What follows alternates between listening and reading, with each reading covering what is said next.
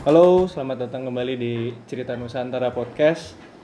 Hari ini sebetulnya kayaknya episode spesial karena akan menyusul episode-episode yang seharusnya sudah ditentukan sebelumnya karena mungkin menurut kami urgensinya cukup tinggi soal eh, RUU HIP.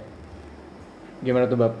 Ya, Langsung dibuka aja. jadi masalah RUU HIP yang digagas oleh beberapa anggota DPR RI yang kemarin sempat ramai ini eh, lucu untuk Babab ini su- suatu hal yang lucu gitu ya. Kenapa lucu? Masa sih anggota DPR RI yang notabene harus lebih paham dari masyarakat umum tentang eh, cara-cara pembuatan undang-undang, lalu payung hukumnya, dasarnya, filosofinya dan lain sebagainya, tapi kok malah kelihatan tidak paham, Oke, ya. ya?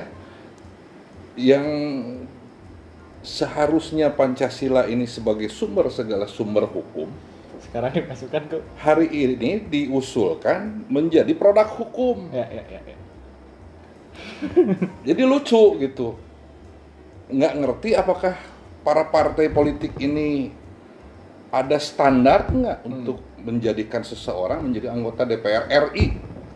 Masih mending kalau anggota DPR kabupaten kota Ya. atau provinsi seperti ini. Ini DPR, DPR RI yang notabene tingkat nasional melakukan hal seperti ini Hmm. terlepas dari apalah isunya bahwa ini jebakan lah, pancingan lah dan lain sebagainya. Yang pasti bahwa Pancasila tidak bisa dijadikan produk hukum. Ya. Pancasila adalah sumber segala sumber hukum bangsa Indonesia. Dari logikanya aja udah Udah nggak ada Nggak dapet, masuk logika gitu ya. Kalau Pancasila sekarang masuk jadi produk hukum, besok ada yang menggugat ke Mahkamah Konstitusi, selesailah sudah bangsa Bubar dan ya? negara ini. Dan Pancasila itu kan ter- dicantumkan dalam pembukaan Undang-Undang Ya. dasar. ya. Berarti kalau ini dirubah, ya sama dengan membuat negara Tatanan baru, baru, ya. negara baru Ya, ya. yang harus dibuat aturannya baru lagi aturannya semua. baru lagi. Nah, ini yang yang eh, apa harus dipahami, ya. khususnya para kader partai politik. Ya.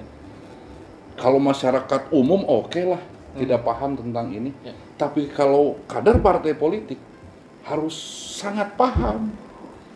Yang notabene mereka para anggota DPR RI ini adalah pembuat undang-undang. Mereka membuat anggaran Ya.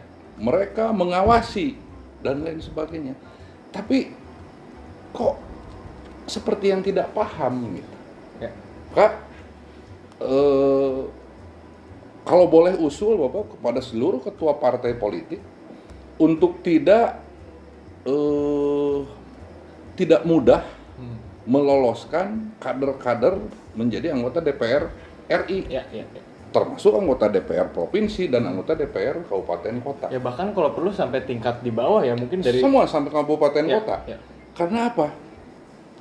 Anggota DPRD atau DPR RI ini adalah mewakili rakyat harusnya ngerti dong. dalam pembuatan undang-undang, Ya. dalam pembuatan budget, Hmm. Anggaran, dalam pengawasan, mewakili rakyat Indonesia. Seluruh provinsi mewakil eh, apa me- mengirimkan perwakilan dari eh, provinsi atau kabupaten Ya. kota masing-masing. Berarti yang menarik sebetulnya yang harus dipertanyakan adalah ya tadi balik lagi ada indikatornya apa sih jadi anggota dewan? Hmm. Itu kan sebetulnya Betul. apakah selama ini ada yang salah kah? Apakah ya udah lolos-lolos aja karena suara terbanyak itu mungkin Ya. dan sebagainya. Dan ini kan sistem pemilihan anggota DPR RI hari ini berbeda dengan sebelum reformasi. Ya. Yang di mana calon anggota DPR RI atau DPRD hari ini membutuhkan eh, biaya yang sangat tinggi Ya. Dalam Un- kampanye. untuk kampanye Ya, ya, ya. dari mulai eh, apa alat peraga kampanye, eh, biaya Print spanduk. sosialisasi, Ya, ya, biaya operasional dan lain sebagainya. Mungkin untuk jadi anggota DPR RI itu ya tidak kurang dari 2-3 miliar harus punya minimal Ya. gitu ya. Nah, eh, bahwa berharap bahwa partai politik tidak tidak mudahnya memberikan rekomendasi seseorang menjadi Hmm. Anggota calon anggota. DPR RI atau DPRD. Karena ini akan menyangkut hajat hidup orang banyak, Ya. rakyat Indonesia. Kalau pemahamannya hanya eh, se- seperti ini, Mhm. kecil ini, bayangkan nasib rakyat mau dibawa ke mana ini? Ya bahkan negara jadi taruhannya kan. Negara menjadi taruhan dan sekarang dimanfaatkan oleh kelompok-kelompok yang Iya. seolah-olah sangat pancasilais, Iya, iya, iya. Ya. yang intinya padahal ingin merubah ideologi negara itu. Ya. Nah, apakah ini kecolongan? Saya kira ya, ya nggak sepantas juga disebut kecolongan. Ya balik lagi. Karena kan di DPR RI ataupun DPRD itu setiap anggota dewan ada fraksinya. Ya. Sebelum dia bicara pasti koordinasi Ya, dulu dengan fraksi. Ya. Nah inilah fatal gitu. Hmm. Apalagi kalau keluarnya dari eh, fraksi partai-partai nasionalis. Jadi bagaimana menjalankan amanat pendiri bangsa dan negara. Ya. Baru segini aja urusan Pancasila sudah offset. Ya. Ya karena balik lagi sih kalau kalau ingat-ingat bahasan kemarin-kemarin soal persaingan ya sekarang antara par- partai politik ya ya dengan iming-iming apa dengan dengan apa brand persaingan sehat Ya, itu pada akhirnya jadi berbicara persaingan sehat hari ini tidak berbicara persaingan antar partai politik, oke tapi persaingannya antara kader. Oke di dalam Di partai, dalam partai satu tersebut. itu, ya. Nah, inilah pecah belah. Hmm. Bagaimana partai ini akan kuat? Bagaimana negara ini akan kuat? Di dalamnya dipecah-pecah. Ya. Bagaimana saya bisa lolos dan jadi dilantik menjadi anggota DPR RI? itu baru satu partai baru satu partai. Kita berapa belas partai? ya, ya, gitu kan berapa puluh ribu calon yang bertarung pada saat pemilu legislatif dan ini eh, walaupun di- ditekankan untuk ber apa kompetisi sehat Mhm. persaingan sehat tetap dalam pelaksanaannya seperti apa ya, ya. sehat itu Ya.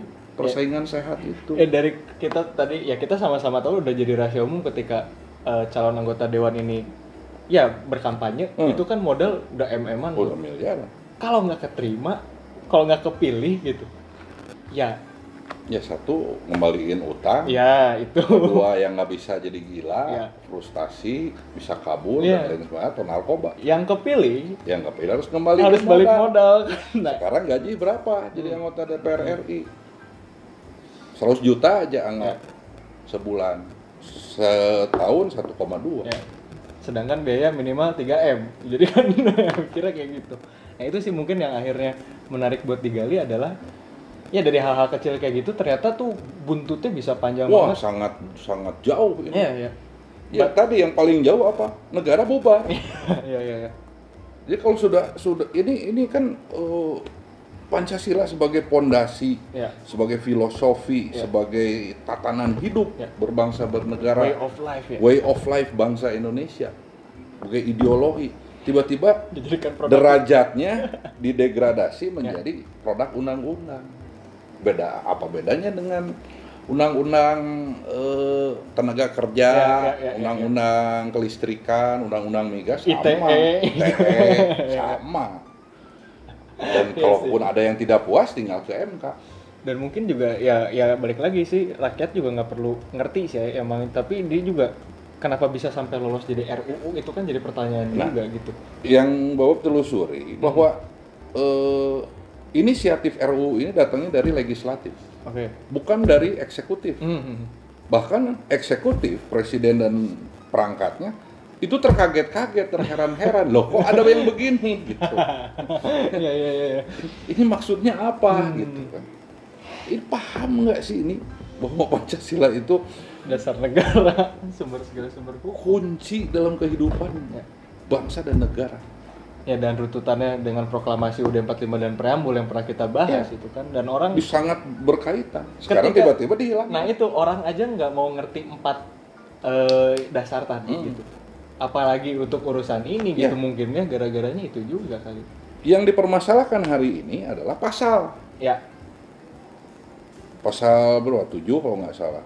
Oh, tidak dicantumkan TAP MPR 25 masalah komunis dan lain sebagainya. Hmm. Bukan itu Ya. esensi daripada RUU HIP. HIP. Mau ada mau tidak ada masalah komunis ya di dalam pasal itu tetap RUU itu Ya, salah ya, ya, gitu. ya. Karena mendegradasi Pancasila. mendegradasi nilai-nilai Pancasila. Itu yang penting, bukan pasalnya, bukan komunis eh, bukan masalah Trisila Ya, Ekasilanya. ya, ya, ya, ya. Tapi Pancasila menjadi produk undang-undang, produk hukum. Ya, akhirnya nggak bisa iya sih bubar sih negara Bubar. Buat apa capek-capek para pahlawan Ya. bangsa dan negara ini Merumuskan. gugur Hmm. hanya untuk menjaga, membela oh, kedaulatan kedaulatan bangsa dan negara. Ya. Kalau ini sekarang seperti ini.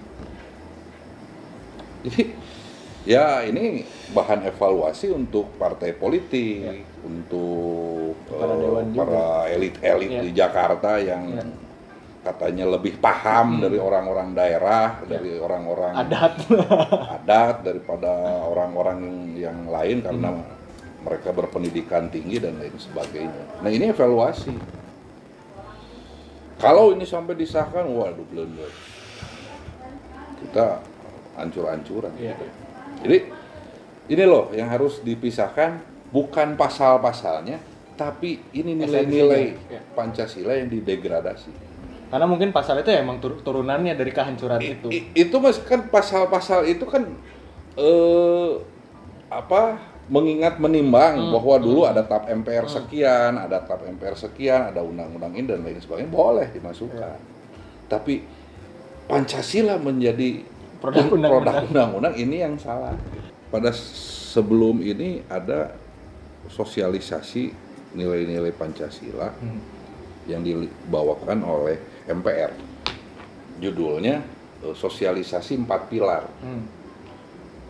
Pancasila dimasukkan menjadi salah satu pilar. Ini juga sebetulnya salah juga. oke Karena Pancasila belum pernah menjadi pilar, Hmm, hmm, hmm. tapi pondasi. ya Beda, pondasi itu tetapakan ya, ya. di bawah dasarnya.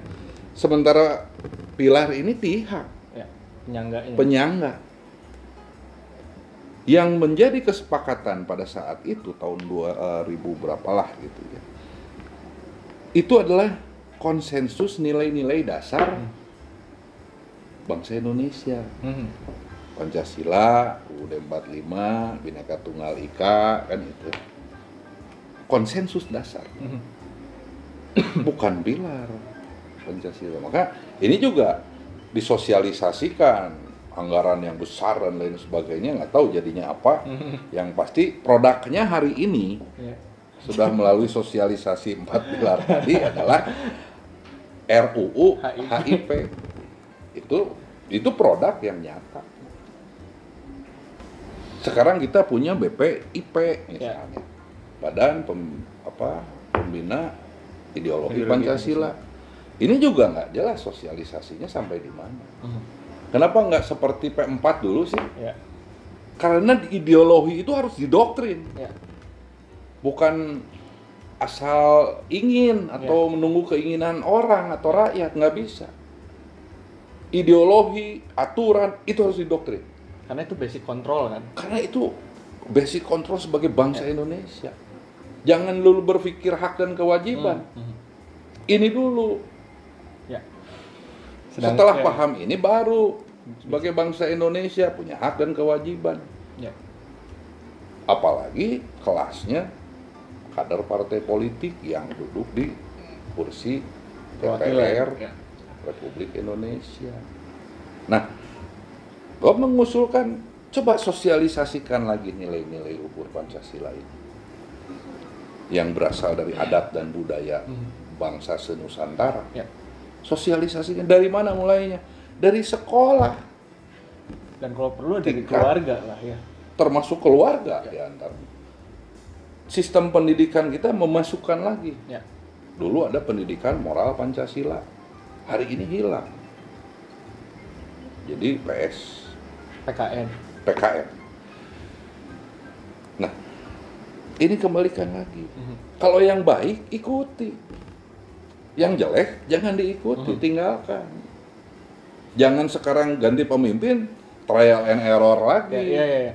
Balik lagi ke bahasan kemarin nggak ada GBHN. nggak ada GBHN misalnya sekarang ibarat kapal laut nih Ya. kita kompasnya rusak atau dibuang di laut lalu kita menentukan arahnya pakai apa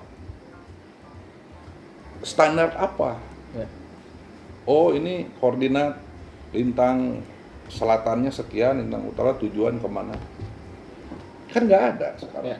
jadi ibaratnya seperti layangan putus Ya. gimana angin aja apakah bangsa yang besar ini akan seperti layangan putus Bisa jadi. Nah, itu yang tidak boleh Ya. Karena kan Indonesia ini bagaikan gadis cantik molek Hmm. yang diperebutkan tua bangka, Ya. yang harus kita jaga bersama. Bagaimana kita menjaga kedaulatan Hmm. bangsa dan negara Indonesia yang hari ini diincar Iya. oleh seluruh bangkot-bangkot tua tadi Dan tidak disadari oleh kita. dan tidak disadari. Nanti kita sadar-sadar setelah kita proses adu domba Ya. terus Perang antar saudara. agama, antar partai politik, pengusaha, Ya. aparat hukum, perang di dalam, kita akan tersadarkan setelah harta kita habis, Ya. sumber daya alam habis, sumber daya manusia rusak, Ya. baru kita tersadar, oh iya, Kenapa ya nggak dari dulu? Ah. ya? gitu. Nah ini jangan sampai terjadi, Iya, iya. karena kan gini, di bawah matahari tidak ada hal yang baru. Ya. Para leluhur kita sudah membuat acuan Ya.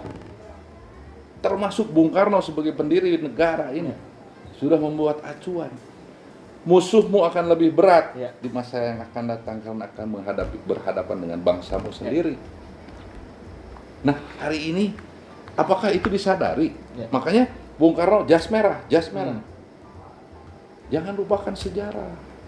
Kalau di bawah matahari tidak ada perula eh tidak ada hal yang baru. Ya. Semuanya Semua perulangan Ya. para leluhur membuat eh, apa eh, perakiraan 500 tahun Ya. misal ke depan karena dasarnya ada Bukan mengada-ngada. bukan mengada-ngada tapi bukan menghitung. karena sakti Ya. oh, bisa menerawang Ya, bukan ya, ya, tapi mempelajari dari dari masa lalu Termasuk Jangka Jayabaya, Prabu Jagabaya, Siliwangi, Prabu Siliwangi Pak Karno, Bung dan Karno dan kawan-kawan. lain sebagainya nah ya kalau memang bagus ya kenapa enggak ya ikuti dong Ya, Buat- masalahnya, bukan buat diri kita, tapi untuk Semuanya. seluruh bangsa Indonesia. nah sialnya kan kita sudah dihajar dan akhirnya ya dihajar tanpa kita bisa sadari ya, Hmm. ya, bahwa kita sekarang ya balik lagi ke bahasan sebelumnya juga Iya. ya kita udah jadi makhluk individual Ya, karena kan penjajahan ini belum selesai. ya Doktrin yang diterima oleh eh, anak didik Hmm. atau murid sekolah bahwa kita sudah merdeka tahun 45. ya Merdeka dari apa? Hmm. Dari penjajahan Belanda. Kan bangsa Indonesia bangsa Indonesia itu baru ada diproklamasikan negaranya tahun 45, bangsanya tahun 28. ya Anggap aja dari tahun 28 kita dijajah Belanda sampai tahun 45 17 tahun hanya 17 tahun. Jadi pelajaran sejarah di sekolah pun harus direvisi itu. itu kalimat kecil tapi pengaruhnya Itu besar. kunci. ya Yang mengakibatkan mental bangsa Indonesia menjadi mental-mental Irlander.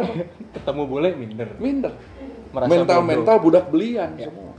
Nah, ini harus direvisi, harus dirubah sistem pendidikan kita, termasuk silabus dan kurikulum. Ya. Bayangkan, Indonesia dijajah 350 tahun. Apa? dan Yang- iya lucunya gitu ya kalau Ijal ngobrol sama sepuh-sepuh gitu ya Hmm. sepuh-sepuh adat kayaknya kita dulu ya mereka bilang sama intinya adalah kita tuh dari dulu nggak pernah dijajah kita tuh kerjasama kerjasama saling menolong saling Iya. membantu kalaupun iya ada penjajahan ya mereka banyak sekali akal-akalannya lah Ya, ya. sementara para leluhur kita dengan hati yang bersih Mhm. percaya aja Hmm, gitu hmm. ini habis leluhur-leluhur kita kerajaan habis ganti republik nilainya juga ikutan diserahkan kepada Bung Karno sebagai perwakil apa pengu, eh, pemimpin pemimpin yang dikuasakan oleh para raja-raja di Nusantara misalnya waktu itu. Lalu Bung Karno-nya nggak ada, Hmm. dianggap tidak bertuan Ya. karena tidak ada yang tahu dan tidak ada yang paham. Ya. Gitu. Ya. Aset apa saja, Hmm. berapa Nilai-nilai apa nilai saja. aset ya. tersebut Hmm. yang dipakai oleh Amerika, oleh Ya, Inggris, ya, ya, ya. Oleh Belanda, oleh Jepang, oleh Cina dan lain sebagainya. Semen- Sementara hari ini kita menerima informasi bahwa Republik Indonesia memiliki hutang Ya. ke Bank Dunia sebesar sekian ribu triliun. Wah ini kalau dibahas emang bakal wah. Ini, ini kebohongan Zul, iya, iya, iya. yang harus kita ungkap. ya bahkan lucunya yang kemarin juga sempat cerita eh, banyak rakyat kita yang baru sadar bahwa Bank Indonesia itu bukan punya Indonesia. Ya, itu sulit kita membuktikan, Ya, ya, ya, ya, ya. sulit membuktikan. Tapi kita bisa meraba Ya. dari mekanisme yang di- dipakai Ya. oleh Bank Indonesia, ya. Aturan-aturannya. juga. aturan-aturan dan lain sebagainya. Kayak misalnya misalnya prinsip ekonomi Pancasila. Mhm. Di pasal 33 Undang-Undang Dasar. Dasar dari ekonomi kita adalah kekeluargaan. Ya. Tidak pernah berbicara uang, Mhm. tidak pernah berbicara modal. Ya. Berarti yang hari ini dilakukan oleh sistem ekonomi bangsa Indonesia adalah sistem ekonomi kapitalis. Ya. Karena Karena berbicara berbicara angka. modal, berbicara uang. Kalau Pancasila tidak, Mhm. tidak seperti itu. Ini yang ditakutkan oleh Barat. Iya. Mereka kan ibaratnya harusnya siogyanya gitu ya. Lu butuh, gua ada ya gua kasih gitu kan. Ya. Dan sama-sama produktif. Bukan jual. Ya. Dan ini ada cerita zaman Iya, dulu, zaman iya. Prabu Siliwangi dan Iya. lain sebagainya. Bahkan dari luar negeri. dari luar bangsa Indonesia, bangsa di Nusantara, Ya. termasuk Cina pada saat Mhm. itu kelaparan dan lain- ya bawa aja nih beras, nggak usah beli, Iya. gitu. Ya, itu. Karena prinsipnya hidup di dunia harus tolong menolong, harus saling membantu, Dan saling menyayangi. ya, cerita-cerita kayak tadi Prabu Siliwangi yang membantu bahkan negeri seberang gitu ya dengan menuhin berapa belas kapal Cina Hmm. dengan beras-beras itu tanpa minta bayaran sepeser pun ya itu kan kalau diceritain sekarang mungkin orang nggak bakal percaya. percaya karena kan kita dijebak Nah, itu dalam dia. sistem pendidikan Iya. harus ada fakta dan bukti, bukti otentik. ya. ya lucunya waktu itu kan sempat ketemu ya itu yang di Bandung itu Hmm. kekaisaran Cina itu kan dia kan ngobrol ya yang dia pakai pangsi itu Hmm. kan dia pakai pangsi terus ngerti gitulah masa eh, soal sejarah gitu ya dia bilang juga eh, ya kami itu kan saudara kalian juga di sini gitu Ini saudara lah semua itu dia semua keluarnya dari Sang Pencipta. Ya.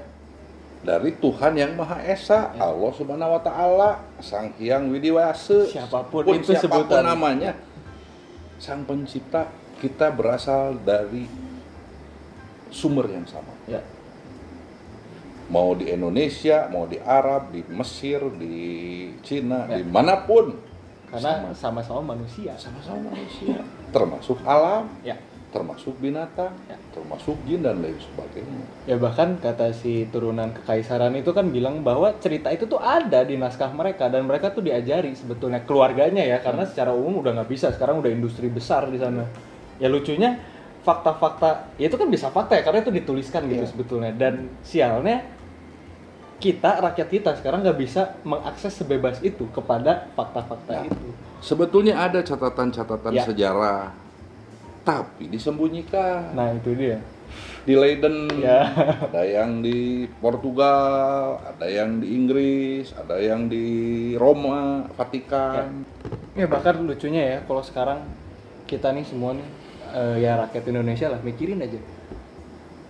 Itu KA tahun 55 baru 10 tahun merdeka loh Indonesia. Sudah bisa bikin acara seheboh itu. Nah itu dan ya itu kan di luar nalar ya sebetulnya ya kok bisa gitu dan ya sekarang mungkin masih banyak lah apa dokumentasi-dokumentasi sejarah kayak Bung Karno eh, apa ngejewer hidung apa eh, jurnalis Inggris misalnya dan dia begitu beraninya gitu eh, berhadapan gitu sama orang luar gitu. Nah sekarang kalau dipikir ini ini orang berarti kan nggak main-main gitu dan dia ngerti sangat betul. paham Bung Karno. Dan sudah jelas lewat ya empat itu tadi proklamasi Pancasila udah 45 dan preambul.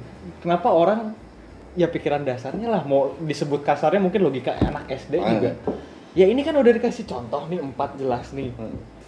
udah ada buktinya banyak walaupun ujung-ujungnya eh, akhirnya meninggal sebagai tahanan Hmm. rumah gitu itu gimana pun cerita sejarah atau kecelakaan Ya, sejarahnya itu malah itu beda-beda Hmm. cuman intinya adalah esensinya ya itu udah dikasih bekal nih kita tuh Iya.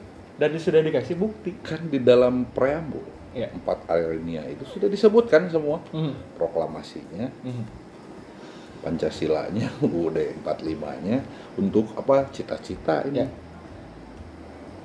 jadi Pancasila dan Undang-Undang Dasar ini adalah alat untuk mewujudkan cita-cita bangsa Indonesia tujuan disebutkan di situ ya sampai bagaimana mewujudkan tujuan dan cita-cita Mhm. lalu sekarang ini dianggap tidak ada Iya, gitu. kan jelas tibalah sa Saatnya saat itu ber- eh, apa yang berbahagia dengan selamat sentosa sampai de- de- depan pintu Iya. gerbang kemerdekaan mengantarkan rakyat Indonesia ke depan pintu gerbang kemerdekaan itu bahasa filosofi yang harus dibedah ya kalau kita logikakan kita diantar nih sama Hmm. bapak Ijal Ya. diantarin sama bapak sampai depan pagar Mhm. Kang kamu masuk ke dalam ini kuncinya. Ya, jadi ibaratnya seperti Ya, ya, itu. ya. ada empat kunci untuk membuka ini pagar. Mhm. supaya kamu Bisa bisa, masuk. masuk. ke dalam rumah kemerdekaan. kemerdekaan. Nah ini kunci nggak dipakai. Ya disimpan Bahkan dibuang. terus, ya disumputin ya. Dan mas sudah bawa ini kunci ya. sebelumnya. Anu di Amerika. Ya buka. Macet dari Inggris macet dari Cina macet dari Arab macet. Ya sampai kadal burung juga nggak akan terbuka apalagi masuk ke dalam rumah kemerdekaan kemerdekaan ya akhirnya kan jajan dulu kan cilok Ah, malah jadi jauh oh, gitu. semakin jauh akhirnya nggak kelihatan pagernya Iya. Iya, hari sekarang- ini pagernya nggak kelihatan Iya, sedangkan babaknya udah nggak ada Ijal tersesat gitu Nah. akhirnya kan inilah contoh lo eh, apa filosofi yang diberikan oleh pendiri bangsa dan negara yang harus menjadi acuan kita Ya. dan kita bedah dengan akal pikiran dan rasa ya, kita ya, tidak bisa dibedah dengan akal dan Ya. logika saja ya.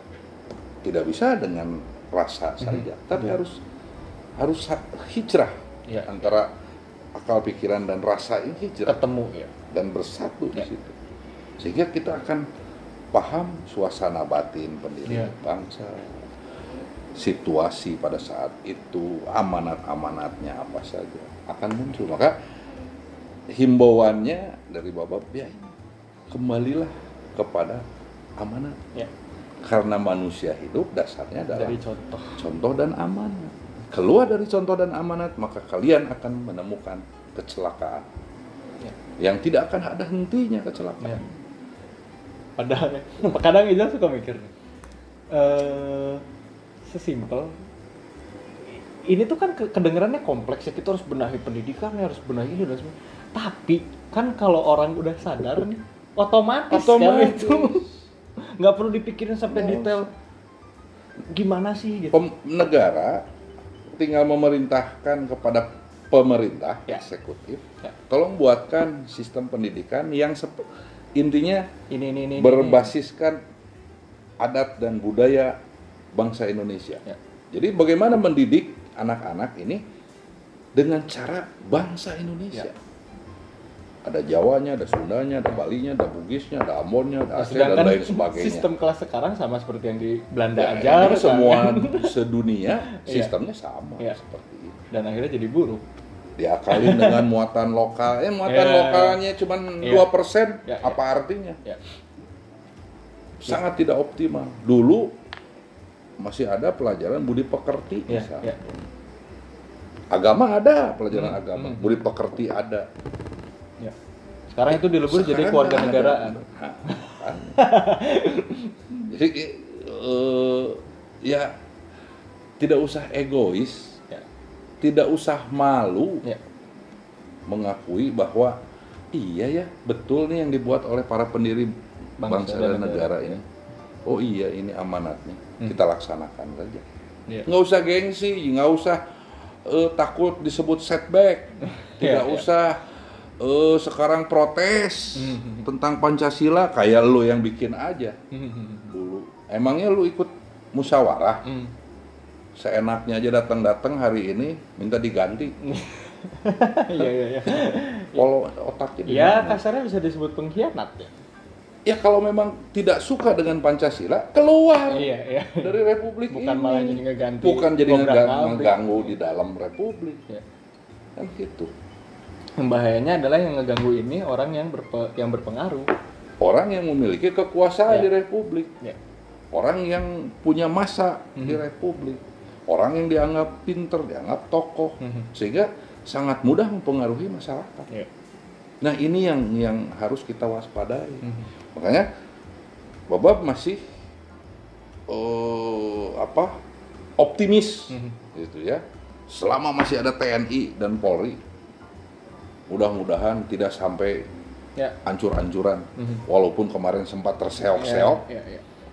tapi masih bisa dijaga Mhm. belum lagi teman-teman kita organisasi-organisasi masa ormas Hmm. LSM dan lain sebagainya Masyarakat yang adat bahkan ya. ter- oh sangat Ya, masyarakat justru adat mereka- itu sangat sangat Menjunjung tinggi nilai-nilai menjunjung tinggi nilai-nilai tersebut Ya. sehingga ini akan menjadi benteng yang akan menjaga Pancasila dan NKRI menghadapi eh, pengkhianat-pengkhianat yang notabene masih saudara kita bahkan terhadap serangan-serangan atau infiltrasi-infiltrasi dari bangsa asing. Ya.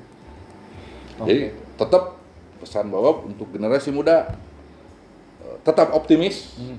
bahwa kita adalah bangsa yang besar. Indonesia adalah bangsa yang besar, negara yang besar, yang kuat, yang akan mewujudkan cita-cita dari para pendiri bangsa dan negara sehingga Pancasila pantas diberikan tempat sebagai sesuatu yang sakti. Ya. Disebut kesaktian Pancasila. Ini yang harus kita Tanamkan. ya. tanamkan dalam diri kita sebagai bangsa Indonesia, sebagai generasi muda, bahwa kita akan menjadi pemersatu dunia, Ya. bahwa kita akan menjadi bangsa yang banyak menolong bangsa-bangsa lain di dunia. Dari apa? Berbagai hal. Ya. Nanti kita akan bahas apa saja sih kehebatan bangsa Indonesia Ya, ini, ya. gitu kan? Dan mungkin sekalian untuk mengingat-ingat sejarah ya. Ya, Dan itu harus. dan catatan sejarah bahwa kita pernah jaya Ya. di, di, di dunia, ya. tidak hanya di Asia, dunia. Ya ini. makanya oh ya itulah cerita VOC dan lain sebagainya salah satunya dari situ Oke, yaudah kayaknya cukup dulu Bab Oke. untuk hari ini. Nanti mungkin ada episode eh, ya tungguin aja episode-episode selanjutnya.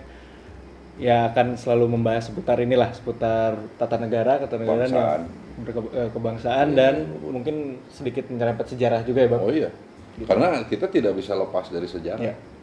Banyak begitu kita melepaskan dari sejarah maka sesatlah kita ya. Benar-benar sepakat. dan itu yang dipakai oleh bangsa asing menghadapi bangsa kita bagaimana kita melupakan Ya, sejarah memanipulasi para sejarah ya.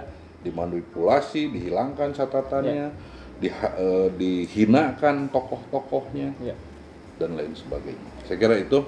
Terima kasih sampai ketemu di episode berikutnya. Terima kasih.